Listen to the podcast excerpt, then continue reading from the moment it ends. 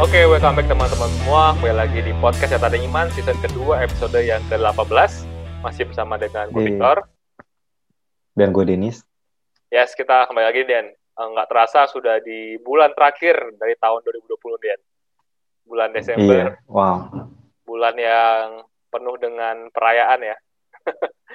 Penuh dengan berkah. Wah. penuh dengan kebersamaan. Cuman eh, mungkin kondisi seperti ini mungkin masih merayakan secara virtual dulu kali ya. Christmas-Christmasnya. Cuman Hmm. Tapi selalu ya. Christmas kali ini lu ini ya, udah ada pendamping ya. Oh, Nggak iya. sendiri lah ya. Iya nih sudah ada pendamping. Semoga lu juga cepat-cepat nih dan ada yang pendamping. siap, siap, siap. Oke, Jadi Langsung kita hari ini mau ngomongin apa nih, Tar? nah gue sih dengar dari lu nih Dek, justru kita karena bulan Desember identik dengan Natal, jadi kita mungkin akan ngebahas mengenai Natal ya Dan. ya. Hmm. Oke, kalau gitu kita langsung aja kali ya, ya, biar Boleh, boleh. lagi. Ya. Kalau gitu coba eh, share tentang apa sih yang lu tahu tentang Natal gitu. Maksudnya mungkin kalau kita yang kita tahu Natal itu ya kelahiran Tuhan Yesus kali ya. Maksudnya mungkin tanggal 25 Desember, mungkin itu sesuatu yang udah lumrah lah ya. Kita dari kecil di hari Minggu, eh, apa maksudnya setiap hari Natal juga selalu diajarin itu. Nah, tapi di luar itu nih, yang gue mau nanya tuh maksudnya eh, apa ya, apa yang lu tahu tentang Natal Eh, dan dalam arti historical ya. Maksudnya Oh. sebenarnya dari dari mana sih awal mulanya? Kemudian kan kalau kita lihat kan maksudnya dekorasi-dekorasi Natal berupa Sinterklas, ada pohon beringin, kemudian ya maksudnya dekorasi dekorasi Natal lah ya. Itu lu tahu lu pernah dengar nggak maksudnya oh, history atau origin daripada eh, Natal itu sendiri dari mana? Eh, yang pernah gue dengar dan gue pelajari sih sebenarnya kalau Mhm. ngomongin mengenai kayak eh, Sinterklas, pohon beringin dan segala macam sih itu Mhm. eh, bukan yang pasti nggak datang dari hanya satu buah tradisi ya, tapi sebenarnya gabungan sih, gabungan Hmm. dari beberapa tradisi yang ada. Hmm. Yang pasti kita, yang pasti yang Hmm. kita perlu tahu adalah eh, Natal itu nggak dimulai dari orang Kristen. Jadi sebenarnya Hmm. sebelum orang Kristen merayakan Christmas namanya, Heeh. sebenarnya juga Hmm. itu adalah perayaan apa ya? Eh, tradisi orang-orang bangsa lain lah sebenarnya gitu. Which is Hmm. eh, yang pernah baca sih sebenarnya itu eh, nggak cuma dirayakan oleh satu buah bangsa sih. Jadi contoh kalau di Roma, Romawi dulu juga merayakan 25 Desember sebagai mereka bilangnya apa ya? Kayak eh, rebirth of the sun gitu. Jadi kayak akhir daripada musim Hmm. dingin dan Horus ya. Hmm. ya munculnya eh, matahari lah. Winter solstice itu ya. Hmm. Ya, munculnya matahari sebagai awal mula dari musim semi. Terus kalau di Jewish Hmm. kan atau bangsa Yahudi kan Hanukkah ya di tanggal-tanggal segitu. Hmm. Sama ada juga gue dari Jermania apa gitu gue lupa. Jadi kayak sebenarnya ini hari tersebut tuh eh, perayaan banyak sekali bangsa gitu.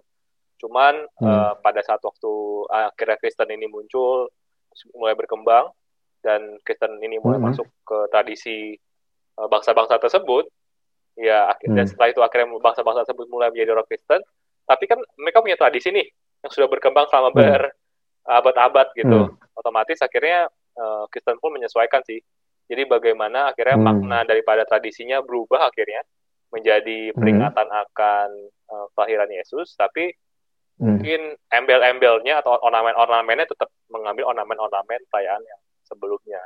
Jadi akhirnya Hmm. mulailah kenapa eh, apa kita merayakan Natal dengan banyak ornamen kayak pohon, kayak apa kos kaki, Hmm. hadiah-hadiah, which is yang sebenarnya nggak ada hubungannya ya. Dia nggak ada nggak ada Oh itu nggak ada Hmm. di Alkitab sebenarnya. Tapi itu sebenarnya adalah gabungan daripada tradisi-tradisi bangsa lainnya sih. Itu sih yang yang mungkin Oh, jadi pohon Natal dan kawan-kawan itu Sinterklas segala macam itu gabungan lah ya. Mitos-mitos dari yang ada pada zaman dulu gitu ya. iya Jadi gabungan bu- bukan tradisi-tradisi lah, tradisi-tradisi budaya-budaya lain gitu. Hmm. Kalau menurut lu gimana, Nah, Den? Terus kalau justru gue nanya sama lu kan. Maksudnya tapi kalau kalau menurut gue sendiri sih ya benar kata lu maksudnya ada yang bilang bahwa Natal itu ya eh, tanggal 25 Desember itu adalah ada yang bilang eh, kelahiran Nimrod. Nimrod itu tuh Oh, oke. rebel yang yang bikin Tower of Babel Hmm. tanggal 25 juga. Kemudian katanya lo tau kan itu kan bentuk pohon Natal kan kayak begini ya, pohon, kemudian kan ada hiasan yang melingkar. Ya, itu ya. adalah pohon pohon apa Adam dan Hawa terus melingkar itu ular. Nah, maksudnya oke terus Nimrod itu jadi Sinterklasnya. Nah, kemudian ada juga yang kayak lu bilang bahwa ada winter solstice, maksudnya winter solstice itu yang uh, udah matahari segala macam, ada yang stellar nuka ya kalau salah. terus uh, ada banyak Horus, Horus juga dibilang maksudnya ada banyak banget yang dibilang ya um, uh, tanggal 25 Desember dan setelah gue cari tahu uh, apa background backgroundnya sebenarnya nggak jelas gitu maksudnya hmm, originnya juga nggak jelas jadi kayak itu literally mitos dong itu kayak dongeng dan istilahnya berusaha di sama-samain aja ke Kristen sebenarnya. Dan uh, bener banget kata lu bahwa sebenarnya Christmas itu sendiri uh, mungkin di di apa ya Natal itu sendiri di kekristenan tuh nggak ada hubungan ya maksudnya kayak apa ya pohon-pohonan pohon sama Sinterklas itu nggak ada hubungannya dengan uh, kelahiran Tuhan Yesus ya maksudnya nggak ada. Mungkin perhubungannya cuman ya gift ya. Kasih kado ketika Tuhan Yesus lahir. Ada ada orang majus yang ya. bawain ya. gift ya. Uh. ya itu doang mungkin ya tukar kado. Tapi eh itu juga nggak tukar kado. Itu memberikan kado ya. Maksudnya nah, cuman mungkin kalau Sinterklas yang gue uh, the closest lah ya yang yang gue pernah baca adalah uh, itu Saint Nicholas. Lu pernah dengar nggak Saint Nicholas? betul, betul. Saint Nicholas itu di awal 363 tahun 363 ya. Ini after Christ uh, setelah century after century. Nah, dia itu ada adalah seorang yang cukup kaya dan dia itu cinta Tuhan. Jadi ini yang mungkin paling dekat di mana dia tuh dia membagikan hartanya dan dia juga membagikan uh, dia bantu orang banyak banget orang susah. Dia juga perform miracles dan dia juga yang paling terkenal dia menyelamatkan so tiga orang wanita dari debt collector yang mau ngejual mereka. Jadi ya bapaknya utang, terus akhirnya dia kasih ke bapaknya ini kantong berupa emas isinya. Nah, jadi mungkin dari situlah jadi kantong Santa kali ya. Maksudnya mungkin the, the best way ya. Tapi biarpun yang sekarang kata lu itu udah udah mix, udah bukan Saint Nicholas lagi. Maksudnya mungkin itu cuma jadi ya awalnya mungkin uh, tercampur dari situ juga. Ada Saint. Nicholas yang memang dia orang yang baik, dia perform miracles dan dia membagi-bagikan harta lah dan katanya hmm. ya dia uh, mungkin lahir di tang tanggal 25 Desember ya ya what, whatever lah ya maksudnya memang hmm. nggak terlalu urgent juga cuman kalau uh, gua kita mau lanjut lagi ke pertanyaan berikutnya Vitor uh, apakah sebenarnya Christmas itu sendiri ada di Alkitab dalam, dalam arti tanggal 25 Desember ada di Alkitab nggak sih Tor? Oh. Dan Tuhan Yesus lahirnya emang bener. Nah mungkin kan kalau tadi kan kita bilang banyak nih yang tanggal 25, dari uh. Winter Solstice, Horus, dan lain-lain lah ya. Nah kalau Tuhan Yesus sendiri benar, lahirnya tanggal 25 Desember. Karena ini pernah menjadi perdebatan juga waktu itu di uh, tahun lalu ya. Kalau gue pernah bilang bahwa yang Pastor Gilbert bikin video tentang Deddy Kobusir yang bilang bahwa selamat kepada orang Kristen yang uh, membantu promosikan baik Coca-Cola ataupun maksudnya itulah eh pagan pagan. Pada saat itu pagan. 25 Desember katanya bukan kelahiran Tuhan Yesus. Nah kalau menurut lu sendiri gimana? Ya uh, sebenarnya kalau apakah uh, mengenai kelahiran Tuhan Yesus itu memang memang bukan 25 Desember sih. Jadi sebenarnya hmm. uh, jadi bener pagan. Jadi kita semua lain pagan, si Nimrod. nah, jadi jadi kan enggak, karena memang memang sebenarnya awal mulanya kan sebelum tadi awal mulanya memang ini kan pagan hmm. festival. Memang emang nggak nggak hmm. bisa dipungkiri. Bulan Desember tuh sebelum hmm. munculnya Kristenan tuh memang adalah festivalnya pagan Betul. lah ya orang-orang yang akan mengenal Tuhan hmm. istilahnya gitu. Uh, cuman hmm. memang uh, jadi kalau ditanya apakah Yesus lahir 20 Desember ya pasti bukan lah ya. Karena uh, mungkin Tapi lu, kenapa lu, the early church father men, kalau bukan kenapa early church father uh, merayakannya maksudnya uh, bilang 25 Desember gitu. Kenapa sampai sekarang kita merayakan di tanggal 25? Nah, itu dia Den. Uh, jadi yang yang gue bilang tadi, jadi sebenarnya pada awal mulanya ya uh, hmm. biasanya gereja, gereja mula-mula itu hanya merayakan hanya merayakan itu sebenarnya kematian daripada hmm. uh, Yesus ataupun juga kalau Yesus. kalau kalau hmm. rasul-rasul pun biasa tuh yang diperingati hmm. ada saat mereka mati atau saat mereka martir sebenarnya. Nggak pernah hmm. ada merayakan saat mereka lahir itu hmm. jadi uh, pada awal-awal mula kerja mula-mula itu hanya diperingati itu cuma dua sebenarnya Jumat Agung hmm. kematian Tuhan Yesus hmm. dan juga Paskah kebangkitannya jadi kelahiran itu hmm. nggak menjadi sesuatu yang sebenarnya penting gitu karena yang penting adalah semua kematiannya dan juga kebangkitannya hmm. jadi itu doang cuman baik again yang gue bilang tadi saat ke kekristenan itu mulai berkembang dan mulai hmm. masuk ke budaya-budaya yang lain otomatis hmm. misalkan contoh bangsa Romawi yang tadi gue bilang tadi memperingati Horus hmm. dan segala macam saat uh, orang Kristen masuk dan mereka menjadi Kristen, mungkin kan uh, pemikiran mereka berubah. Cuman kan secara budaya mereka belum berubah kan. Bayangin hmm. ya, lu lahir sebagai orang Romawi ya, misalkan lu udah lu udah, udah umur 30 tahun, lu selama 30 tahun hmm. merayakan perayaan hari yang sama, terus one day hmm. lu jadi seorang Kristen dan hmm. kayak gimana caranya lu bisa totally meninggalkan tradisi lu gitu. Susah kan? Hmm. Jadi caranya hmm. gimana? Akhirnya mereka caranya tetap merayakan di hari yang sama, tapi maknanya hmm. berubah gitu maknanya yang tadinya hmm. misalkan tadi memperingati dewa Horus atau apa pun itu dewa matahari hmm. nah ini mulai jadi akhirnya memperingati apa ya tapi kan kematian hmm. Tuhan Yesus sudah udah ada di pak udah ada di oh. Agung kebangkitan ada di hmm. Paskah hmm. merayakan apa lagi Hmm. ya akhirnya cara caranya supaya akhirnya merubah pagan festival itu menjadi sesuatu yang Kristen akhirnya ya udah yuk kita buat akhirnya dibikin aja lah tanggal segitu sebagai tanggal kelahir- kelahiran Tuhan Yesus untuk memperingati aja Hmm. sebenarnya tapi bukannya berarti Hmm. Yesus lahir di 25 Desember karena gue yakin lu lu lu lu pasti juga lebih tahu lah dan mengenai kayak detail-detail di Alkitab yang menyatakan bahwa sebenarnya nggak mungkin lah kalau itu di musim dingin Iya. Benar. Eh, tapi ya itu karena itu menurut gue eh, bagaimana mereka merubah budaya yang ada itu Hmm. di mana budayanya masih ada tapi maknanya mulai dirubah nih mulai menjadi Kristen Hmm. gitu. Nah akhirnya juga Hmm. acara-acara seperti itulah akhirnya tetap mungkin festival tetap ada tapi ya masukin unsur Kristen di situ yaitu adalah kelahiran Tuhan Yesus Hmm. gitu. Tapi ya Hmm. maknanya sudah nggak sudah nggak lagi tuh. Apakah dibilang masih pagan nggak? Ya udah nggak lagi karena karena sudah nggak Iya, iya. menyembah hal-hal lain. Cuman tetap Hmm. menyembah Yesus, cuman ornamen-ornamen yang gue bilang tadi tuh masih ada ornamen-ornamen yang dari Hmm. budaya-budaya mereka muncul sampai dengan akhirnya ke bawah sampai sekarang sih. Gitu. Ini kalau Hmm. itu kalau dari dari, dari gue tahu nih ya. Cuman dari lu sendiri gimana Hmm. Oh, interesting. Tapi interesting sih. Iya, kalau menurut gue sendiri sih ya, memang karena gue pernah nonton yang video uh, Pastor Gilbert ya, jadi maksudnya kalau menurut Pastor Gilbert ya memang di Lukas memang ditulis sih, maksudnya kayak di bulan, eh, di di uh, enam bulan setelah Elizabeth kan ya, Elizabeth kan ha- hamil Yohanes Pembaptis dulu. Nah di bulan yang keenam dan kalau kita hitung dari uh, dia kan mulai awal tahun barunya itu dari September gitu di bulan 9. Jadi kalau kita tambahin 6 bulan ya memang di bulan Maret kemudian tambahin 9 bulan baru melahirkan lah ya. Maksudnya jadi eh, basisnya dari situ sebenarnya. Tapi ya kalau sebenarnya kalau kita cuma lihat dari basis itu kita nggak lihat detail-detail yang lainnya kayak tadi lu bilang bahwa itu musim dingin. Maksudnya itu nggak mungkin ada Shepard di sana juga. Kemudian itu juga nggak mungkin juga maksudnya dia lahir, lahir di luar gitu dengan musim sedingin itu.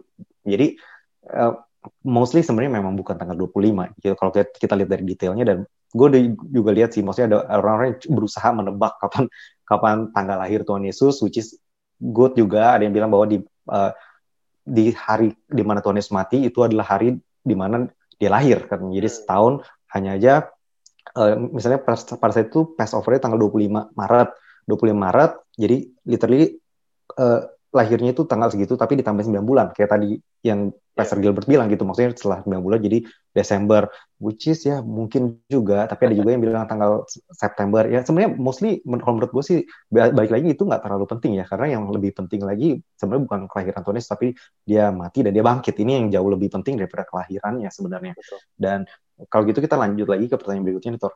Uh, kalau tadi kan kita udah tahu nih maksudnya mungkin ini benar berarti yang Dedi ngomong Konfusius ngomong itu benar which is itu adalah festival pagan yang berarti dia juga menyelamati orang Kristen untuk melakukan uh, selebrasi untuk pagan, apakah itu artinya kita dosa? Karena kan di Yeremia 10 kalau nggak salah kan sempat juga dikatakan bahwa jangan pernah menyembah uh, apa ya ornamen-ornamen buatan manusia baik gold, silver, and everything. Dan uh, kalau kita kan lihat tadi dekorasinya, kalau memang itu benar yang tadi gue bilang bahwa itu Nimrod si Santa Claus dan juga pohonnya itu adalah pohon uh, Adam dan Hawa dan melingkarnya itu adalah ular dan kita maksudnya apakah itu dosa nggak sih? Maksudnya berarti kita bawa ke dalam rumah, kemudian berarti kita kita baik foto-foto gitu, maksudnya itu salah nggak? Dosa nggak? Apakah berdasarkan uh, yang tadi Yeremia 10 bilang bahwa ini penyembahan berhala nggak perlu dilakukan, apa ya kita berdosa nggak sih? Karena banyak juga gereja yang menol, apa ya, membatasi ya, maksudnya orang Kristen, jemaatnya nggak boleh, lu nggak boleh selebrasi.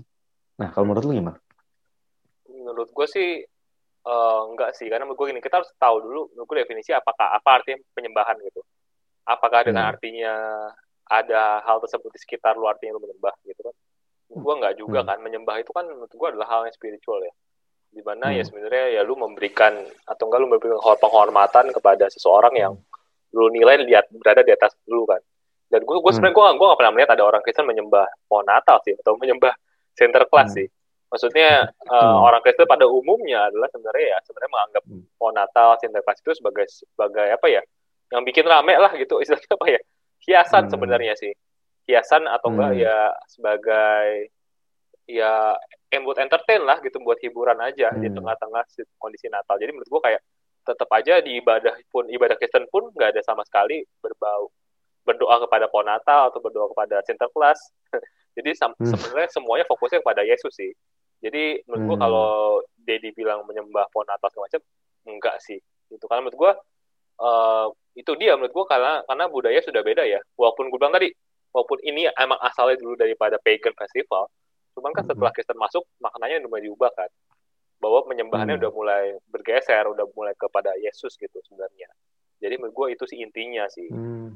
Dan menurut gue kayak uh, karena contoh gini deh misalkan kita ngomong karena kita nggak bisa ngelihat apa ya budaya zaman dulu dengan perspektif sekarang gitu karena hmm. menurut gue kayak contoh kayak tato gitu gitu tato kan juga hmm. zaman dulu itu identik dengan kayak sorcery ilmu gaib lah ya hmm. iya karena memang itu adalah bukti kan biasanya kan orang uh, punya hmm. kuatan dan segala macam memang zaman sekarang kan udah nggak gitu lagi masa sih kita mau masa sampai hmm. sekarang uh, orang punya tato wah pasti dukun nih kan udah nggak lagi kan hmm. karena kan zaman hmm. sekarang orang udah bikin tato ya memang karena dia punya sesuatu yang memorable atau sesuatu yang dia suka hmm. nggak nggak mesti punya ilmu gaib lagi tapi kan kalau kita pakai kacamata Dedi kan berarti kita ngeliat sesuatu tuh di zaman dulu terus gitu budayanya nggak hmm. pernah perkembangan nggak gitu juga gitu. jadi menurut gue kayak uh, pohon Natal sinterklas itu ya udah berubah bahkan maknanya lah kalau gue yakin juga hmm. kalau tanya orang Kristen nggak ada satupun sih yang bilang pas Natal dia menyembah pohon Natal atau sinterklas sih pasti mereka tetap menyembah hmm. Yesus tapi ya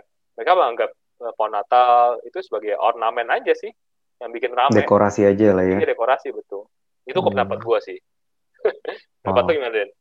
Iya bener banget sih. Gue juga setuju bahwa maksudnya uh, sebenarnya kalaupun kita uh, selebrasi setiap hari untuk Tuhan Yesus sih nggak masalah. Maksud gue tuh dari kalau kita mau pakai ornamen apa pun gitu selama itu tujuannya adalah Christmas, which is Christ, Christ gitu. Maksudnya kalau memang Kristus tujuannya ya, gue yakin ya Tuhan juga seneng-seneng aja kalau kita selebrasi tiap hari untuk uh, justru bagus kan. Kita berarti kita mengingat Kristus tiap hari. Tapi mungkin yeah. yang uh, Christmas yang zaman sekarang udah kalau yang udah ke arah modern di mana jadi minum-minum, mabuk-mabuk ini yang udah melupakan Kristusnya ini udah error ya sebenarnya. Tapi kan kalau gue percaya sih, maksudnya kalau either way, gue percaya bahwa setiap tanggal itu kan dari Tuhan ya. Maksudnya jangan karena ada pagan festival yang melakukan itu berarti dia udah rebut nggak dia rebut tanggal dari Tuhan dong. Iya betul. Iya kan? Maksudnya itu kalau kita ngomong gitu ya berarti setiap hari juga udah ada festival pagan kalau kita mau iya, cari betul, tahu sama kayak baptisan. Baptisan itu sendiri juga sebenarnya dari Babilonia loh. Maksudnya kalau kita bilang oh, berarti orang yang baptis lu ini dong menyembah ritual itu dong Babilonia zaman dulu. Kan nggak juga. Iya, iya, karena memang benar banget kata lu bahwa eh, maknanya itu udah beda. Kita buka kita nggak lagi menyembah si pagan itu, tapi kita lagi menyembah Yesus Kristus. Ini jauh lebih penting daripada mungkin ritual ataupun jangan sampai kita terjebak di sesuatu uh, sesuatu yang simbolisme gitu. Ini ritual baik baptisan ataupun uh, Natal, tukar kado segala macam. Ini kan boleh dibilang ritual, selebrasi. Jangan sampai kita terjebak di sini dan kita akhirnya jangan ini, jangan itu, jangan ini, jangan ini. Kita lupain the essence-nya itu, the real essence-nya adalah Kristus yang memang kalau ada Kristus di tengah di tengah kita ya di unclean become clean gitu loh. Pokoknya yeah.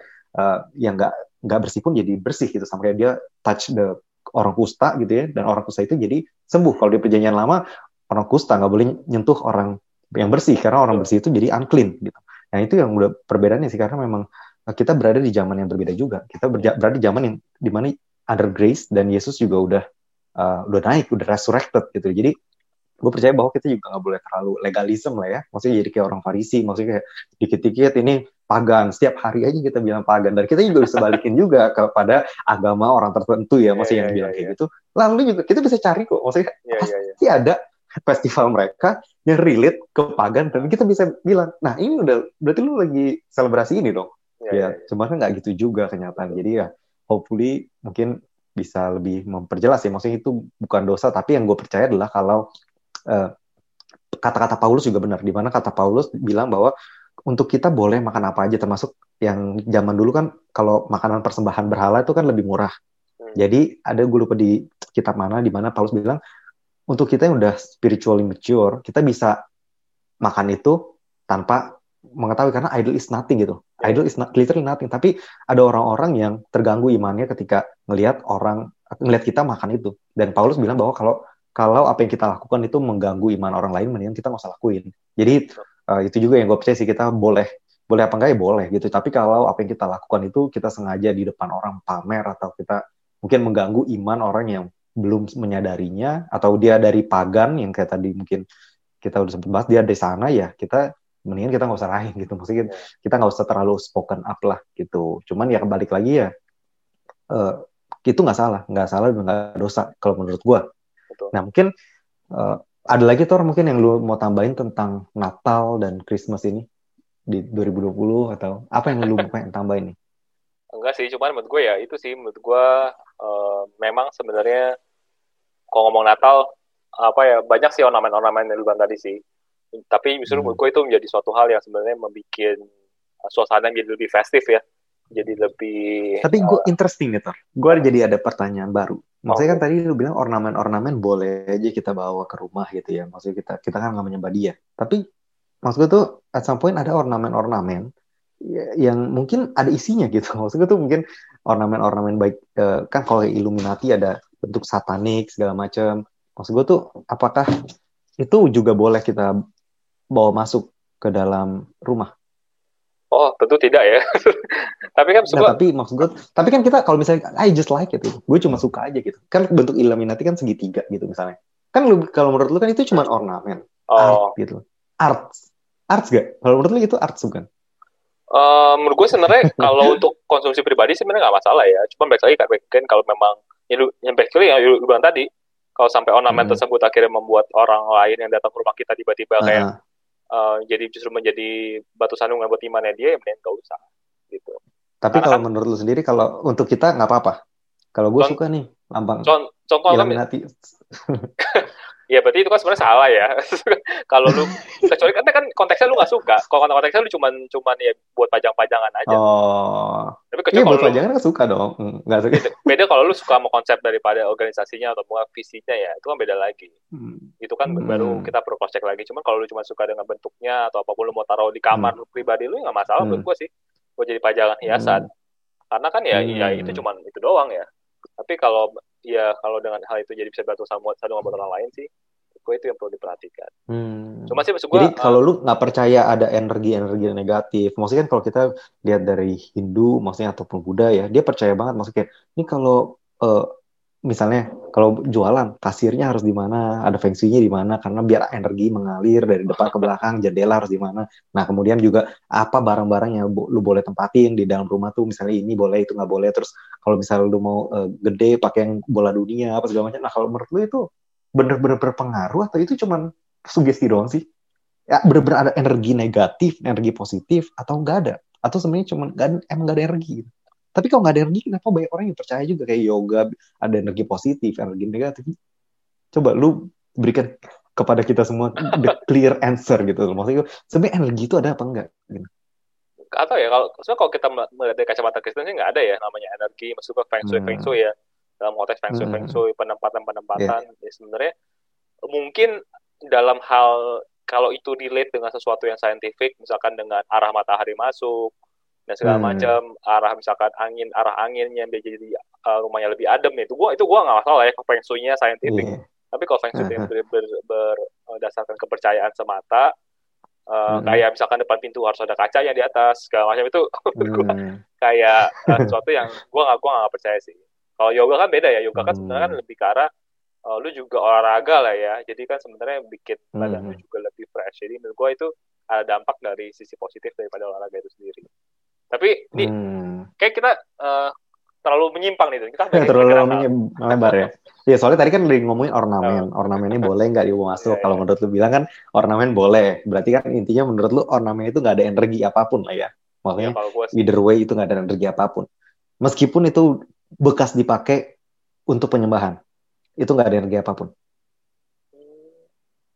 itu pernah dipakai misalnya kita nggak tahu ya we, we don't know maksudnya kayak kita beli di toko barang bekas karena gue sering nonton film horor ya jadi ini ke bawah nih maksud gue gue jadi jadi penasaran apa pendapat lu gimana kayak kalau gue beli di toko barang bekas gue nggak tahu itu bekas dipakai persembahan dan gue bawa masuk ke rumah gitu. apakah gimana ya, maksudnya eh, apakah energi itu loh hmm. karena back again maksud gue ya kalau kita percaya kita punya roh kudus di dalam kita ya maksud gue kita uh -huh. kita nggak perlu takut sebenarnya sih Oke. Okay. Berarti nggak masalah ya? Ya hmm. kalau gue ya, tapi ya sebenarnya hmm. kalau lu itu konteksnya kalau lu nggak tahu kan tapi kalau lu tahu ya lu ngapain hmm. sebenarnya kan itu hmm. mengundang-undang masalah gitu. oke okay. jadi ke kayak hmm. Natal sih uh, gue sih itu sih yeah. paling terakhir poinnya sih itu supaya kita jangan sampai salah fokus sih jangan hmm. sampai karena menurut gue makin ke sini banyak orang Kristen mulai salah fokus nih akhirnya Natal hmm. itu tuh uh, less about Jesus tapi more about the gift gitu more about oh, the iya, event Jadi kayak hmm. gimana eventnya kayak tukar kado lah, uh, makan yeah. malam sama-sama lah, dan segala hmm. macam. Jadi kayak uh, yes bagus sih kebersamaan gitu kan kumpul sama teman-teman, hmm. kumpul sama keluarga. Cuman terkadang esensi daripada Yesusnya sendiri tuh hilang gitu.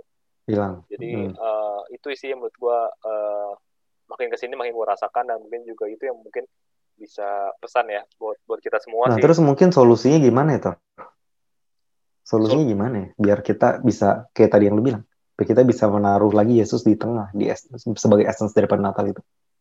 Solusi menurut gue kan baik lagi sih, baik lagi mengenai apa itu penyembahan sih. Karena penyembahan itu kan sebenarnya kan uh, bukan buat kita kan, sebenarnya buat, buat Tuhan kan. Jadi sebenarnya hmm. Hmm. baik lagi ya Natal ini kita merayakan untuk Tuhan gitu, bahwa ya segala sesuatu yang kita hmm. persembahkan buat Tuhan. Jadi uh, fokusnya itu dibalik ya, ke Tuhan bukan ke kita gitu. Karena sering kali akhirnya banyak orang menganggap uh, Natal itu fokusnya ke kita gitu. Bagaimana di Natal ini gue bisa happy gue bisa have fun hmm. gue bisa dan saat kita punya fokus gue bisa dan gue bisa ya akhirnya apa yang kita bisa berikan kepada Tuhan jadi berkurang kan? Karena fokusnya kan hmm. kan ke kita bukan ke Tuhan. Jadi gimana uh, melalui kayak uh, Natal ini kita bisa fokusnya ke Tuhan. Jadi walaupun misalkan kumpul sama teman-teman boleh gak ya boleh aja. Tapi jangan sampai lupakan hmm. perbincangan mengenai Tuhan di sana gitu. Contohnya misalkan misalnya ini kita ngomong-ngomong uh, tapi juga kita ngomong yuk kita ber, uh, apa yang kita syukuri pada Tuhan di tahun ini gitu loh. Jadi kan kayak uh, hmm. selalu tempatkan Tuhan di di tengah-tengah uh, acara-acara Natal kita lah gitu gue iya iya, iya. Hmm, itu kalau dari gue sih interesting. Kalau lu? Kalau lu sendiri nih acara Natal lu gimana? Acara Natal, Natal kali ini? Natal gue sih kebanyakan A ini. ada pertemuan sama uh, pertemuan sama keluarga atau mostly sama, sama gereja sih. temen date biasanya teman-teman konsel uh, teman-teman konsel hmm. baik yang uh, di bawah kepemimpinan gue maupun yang uh, gue berada di bawah kepemimpinan atas gue gitu jadi uh, kita virtual sih karena uh, kayaknya hmm. kondisi sekarang lebih bijak untuk melakukan virtual dan gue percaya juga hmm. virtual juga tetap bisa have fun sih jadi ya ya lebih ke arah kita kumpul-kumpul virtual ngobrol-ngobrol main games gitu gitulah dan juga ya coba wow. untuk reflect back lah bagaimana tahun 2020 masing-masing kita dan bagaimana rencana kita ke depan. Hmm. Biasanya gitu doang sih kalau acara-acara gue. Hmm, interesting. Lu gimana, Den? Oke, okay, ada lagi, Tar, yang mau lu tambahin? Gak ada sih kode gue.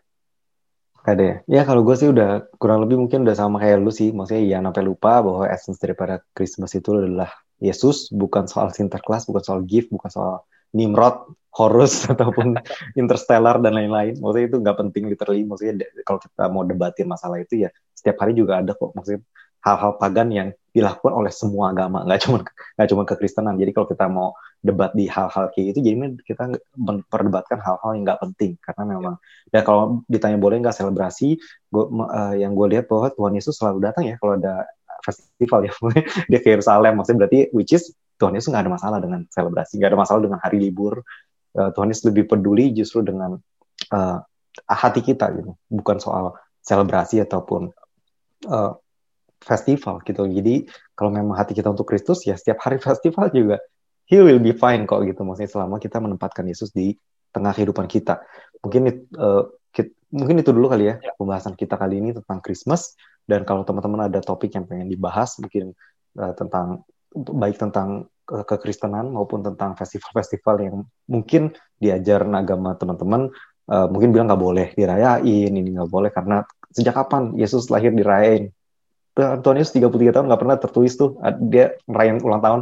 Maksudnya ya which is ya boleh-boleh aja kalau misalnya teman-teman punya topik-topik seperti itu bisa langsung ke Instagram kita di @catataniman.id atau bisa langsung di uh, Instagram gua di @denis.johan atau di, lu di mana tuh? Di @kitoraditya. Hmm, atau langsung di Perisai Iman di YouTube untuk yang lebih suka visual ya, ya. video.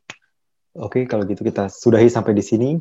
Uh, semoga teman-teman terberkati dan ya. uh, stay safe, gitu, jaga jarak dan ingat pesan ibu. See you and God bless you.